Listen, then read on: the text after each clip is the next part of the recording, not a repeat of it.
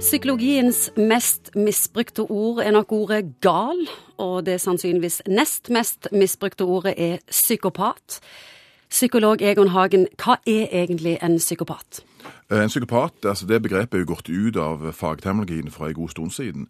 Men det som innarbeider egentlig i folks bevissthet, at jeg tror vi skal fortsette å bruke det, det er liksom å ha med samme referansen. Det er en person som har en spesiell måte å være på. Ofte en overfladisk skjerm. For at en psykopat skal være effektiv, så må det være vanskelig å identifisere at han er det.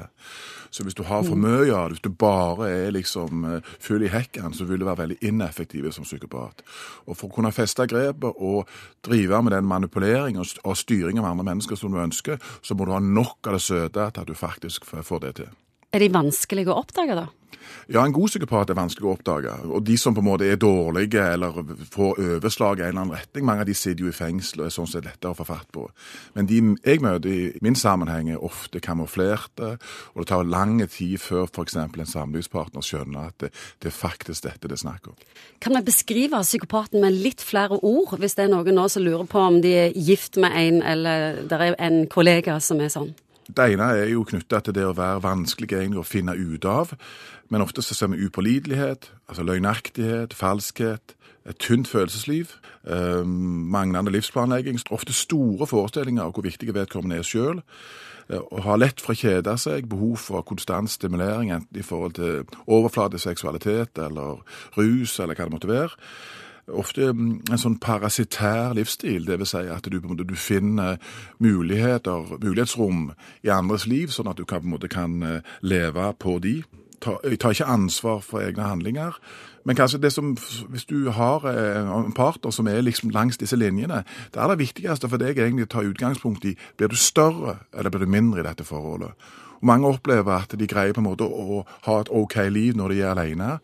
Men hvis de kommer sammen med denne type person, så opplever de at liksom selvfølelsen bare eroderes, eller og du blir bare mindre og mindre. og du etter hvert begynner å lure på om det er din feil, alt dette. Vi har jo alle sett eh, de menneskene som har blomstra etter en skilsmisse. Det er sant, og så plutselig så er liksom den der eh, steinen i skoen vekke. og Det som kanskje er viktig å tenke på, at når så mange blir i dette veldig lenge, så handler det ofte om at vi på en måte vi blir værende i situasjoner som vi ikke skjønner. Det er akkurat som vi ikke greier å løse ligningen eh, hvis jeg bare holder på lenge nok. fordi at du ser jo at noen ganger så er det òg ei smørside, ei vennlig side. Jeg har sagt det mange ganger. søkk det opp, du kommer aldri til å forstå det. Og du må bare gå fra det, rett og slett. Så en eh, psykopat vil alltid være en psykopat? Det går ikke an å bli frisk? Nei, det tror jeg prognosen er, tror jeg er bob-bob, for å si litt forsiktig. Altså. Jeg tror det, dette er dypt forankra karaktertrekk som dels er arvelige, og dels ofte kan handle om spesielle Noen vokser jo på seg en psykopati rett og slett pga. at livet transler de så mye egentlig opp gjennom. Jeg har lest at verdensutviklingen ikke hadde gått videre uten psykopater. Og det er skrevet av psykologer. Ja, det, det, Jeg forstår hva du mener med det. det er, hvis du på en måte ikke har et sidesyn, du har ingen stor emosjonell antenne, så du fanger ikke opp andres lidelser, så kan det noen ganger være ekstremt målrettet. Og Det er jo nok av sånne businessbiografier som beskriver ledende forretningsfolk som har trekk som minner veldig mye om dette.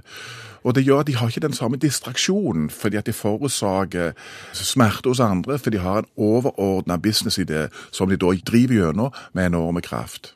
Noen ledere har jo for stor følsomhet på denne mellommenneskeradaren, og da kommer det heller ingen vei, at det er så grævlig mange hensyn å ta. Så det kan være ei oppside med å være psykopat, rett og slett? ja, det kan du si. Du får, du får gjort ting.